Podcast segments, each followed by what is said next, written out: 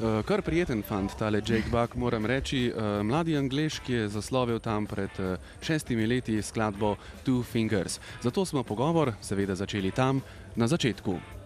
Um, since since that song, kind of my, my whole life changed really. Uh, um, I'm getting to travel the world, which I never had done before. And, Jake Buck pravi, da se mu je po skladbi Two Fingers spremenilo življenje.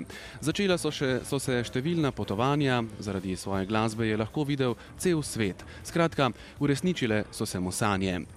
In Jake je po izdaji istoimenskega prvenca leta 2012 vse več časa prebijal na odru. Naslednje leto je recimo odigral več kot 100 koncertov, za primerjavo leta 2011 zgolj 6. Zato nas je zanimalo, kako mu sploh uspeva nešteti koncerti in hkrati ustvarjanje nove muzike. well, it's um, it's my life. I don't I don't really know how to do anything else. I don't know anything else, and um, it's what I'm used to. So. V bistvu je to moje življenje. Česa drugega sploh ne znam početi, pravi Jake Buck, ki se je privadil na ta način življenja. To je zanj normalno, pravi, in, uta, in upa, da bo lahko to počel do konca svojega življenja. E, pri tem vprašanju sem ciljal na uvodno skladbo zadnjega albuma On My One, v kateri Jake Buck pravi, da je utrujen in e, osamljen. Yeah, I was pretty. Um, it was kind of more. That song was written from the perspective that if I wasn't doing this as a career, then how would I feel? And uh, On My One je Jake Buck napisal z drugačne perspektive. Kot pravi, je pisal z stališča, kako bi se počutil, če ne bi počel tega, kar počne, torej muzike.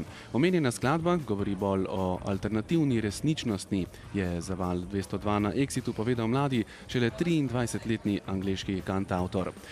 Zanimiva zgodba, povezana z njegovimi leti, pa je tudi tale. You recorded your second album in Malibu, California, in the States. Uh, Chad Smith, Red Hot Chili Peppers. He played some tracks for you on that album. Is it true that you didn't recognize him uh, when you first met him?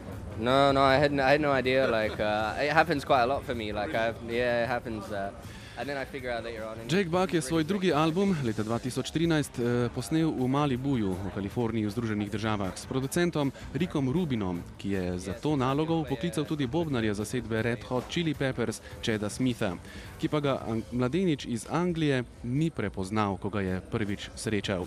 Pravi, eh, da se mu to kar redno dogaja, ker je pač mlad.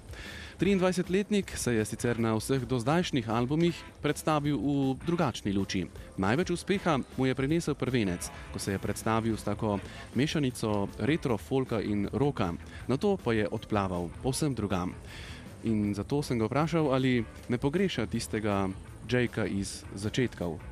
No, I think um, I like I like to um, to experiment with music and try and learn as much as I can to be the best writer and musician I can be, and and I think you can only do that by exploring other types of music. Niti ne, pravi, eksperimentiranje mi je zelo všeč. To je edini način, da se naučim pisanja skladb in da tudi rastem kot glasbenik.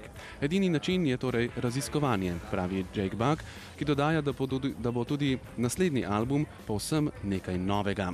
Kot je namreč izdal za Val 202, je nova plošča že posneta in bo išla še letos.